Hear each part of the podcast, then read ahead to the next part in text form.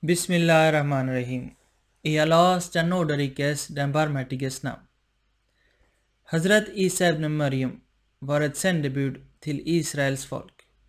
Ändå väntar de flesta muslimer på att han ska komma tillbaka i den sista tiden och vara en ledare för muslimerna. Men om vi läser den heliga Koranen så finner vi tydligt vilket uppdrag som Gud allsmäktig hade givit Isa ibn Maryam och vi finner också huruvida detta arbete, denna uppgift har fullbordats eller inte. I dagens klipp ska vi gå igenom dessa verser i den heliga Koranen som specificerar Hazrat Isa ibn Mariams syfte här på jorden. Den första vers jag önskar presentera för er står i Sura Al-Imran, vers 50, där Gud allsmäktig säger ”Vara solen i Laban Israel” gällande Isa ibn Mariam och han var ett sändebud till Israels folk. Han skickades således cirka 1400 år efter Moses salam för att reformera israelerna och deras läror och doktriner. På samma sätt så ser vi att Gud allsmäktig lärde honom den, de judiska skrifterna och sam, även Injil, likt det står وَيُعَلِّمُهُ الْكِتَابَ وَالْحِكْمَةَ وَالتَّوْرَاةَ وَالْإِنْجِيل Han skall undervisa honom i skriften, visdomen, Tora och evangelium. Och på ett annat ställe وَإِذْ أَلَّمْتُكَ الْكِتَابَ وَالْحِكْمَةَ وَالتَّوْرَاةَ وَالْإِنْجِيل Jag delgav dig uppenbarelsen och visdomen och Tora och evangeliet. Dessa verser är tagna från Sura Al-Imran respektive Sura Al-Maida. På ett annat ställe säger Gud allsmäktig väldigt kategoriskt att när helst han skickar ett folk så är det, skickar han honom tillsammans med det språk som hans folk talar. Det står således i Sura Ibrahim, vers nummer 5. وَمَا أَرْسَلْنَا مِنْ رَسُولٍ إِلَّا بِلِسَانِ قَوْمِهِ لِيُبَيِّنَ لَهُمْ Vi har aldrig sänt ett sändebud som inte talade samma språk som det folk till vilket han sändes, så att han klart kunde lägga fram sitt budskap för dem. Således är det väldigt tydligt från dessa verser att Isa ibn Maryam skickades till Israels folk, inte till muslimerna.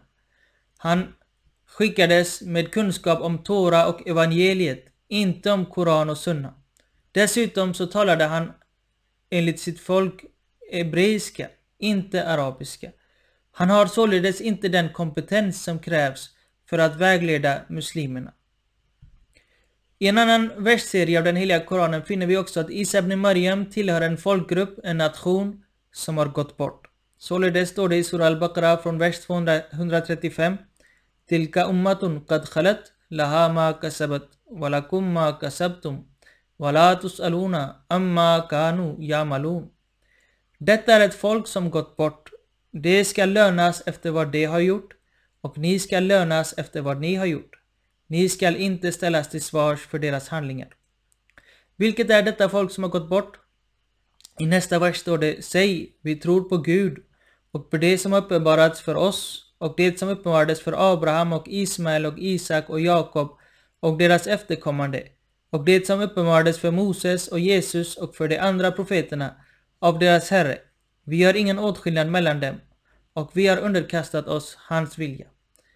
För att sätta ytterligare en fas på detta säger, upprepar Gud allsmäktig bara sex verser senare denna versen 135 och säger i vers 142 återigen Tilka ummatun, detta folk, israelerna, deras profeter, helgon och deras folk, kad khalat, har gått bort. Lahama kasabat, för dem är vad de har handlat. Och walakum kasabtum, och ni ska få enligt vad det ni har handlat. Walatus aluna amma kanu yamalun. Ni kommer inte ställas till svars för deras handlingar.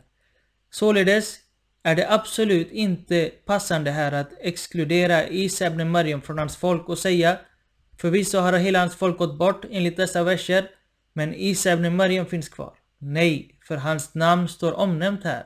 Att Isa ibn Maryam tillhör de profeter bland Ban Israel Qad Khalat som har gått bort. En känd muslimsk teolog, Hazrat Imam Malik bin Anas, Rahimahullah, som också är författare till det kända muslimska verket Muwatta Imam Malik, citeras i en bok kallad Biharul Anwar, skriven av Muhammad Bakir al-Majlisi, och den innehåller hadiser från både sunnitiska och shiitiska källor. Och där citeras han säga att va, wal, والأكثر أن عيسى لم يمت وقال مالك مات وهو ابن ثلاث وثلاثين att de flesta menar att Isa ej dött, men Imam Malik Rahimahullah sa det att han dog vid 33 års ålder. Således finns också auktoriteter för er sunnimuslimer som påstår precis samma som vi Ahmadiyya-muslimer gör, det vill säga att Isa ibn Maryam har gått bort. För att sammanfatta dagens punkter. Isa ibn Maryam var ett sändebud till Israels folk, var rasulan i Naban Israel. Han lärdes Tora och evangelierna. Han tillhör en nation och han talade hebreiska. Han skickades med det språk som hans folk talade. Samt att han tillhör en nation angående vilken den heliga Koranen säger Kad khalat, de har gått bort. Alltså, han tillhör inte, han skickades inte till muslimerna. Han talade inte arabiska. Han kan varken Koran eller Sunna. Och därför är det långsökt att tro att han ska komma tillbaka och lära muslimerna den rätta vägen.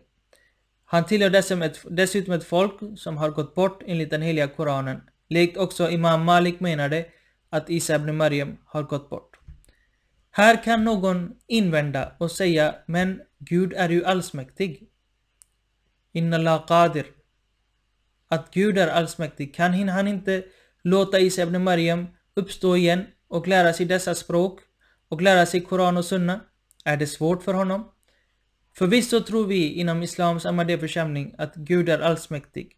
Det finns ingen tvekan som helst på detta. Men Gud säger också Jaf ma yasha. Han gör som det behagar honom, som han önskar. Därför är det upp till er att bevisa. Har Gud allsmäktig någonstans i den heliga Koranen visat att han avser uppresa Jesus med sin kropp, sedan lära honom arabiska, Koran och Sunna och låta honom nedstiga den sista tiden för att leda muslimerna. Var finner vi denna gudomliga vilja som ni menar ska ske i den sista tiden?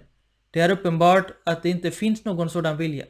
Men vi bjuder in er ändå till att ni också producerar de här korta klippen där ni framför era bästa argument så att vi kan få en dialog och en diskussion kring dessa viktiga frågor.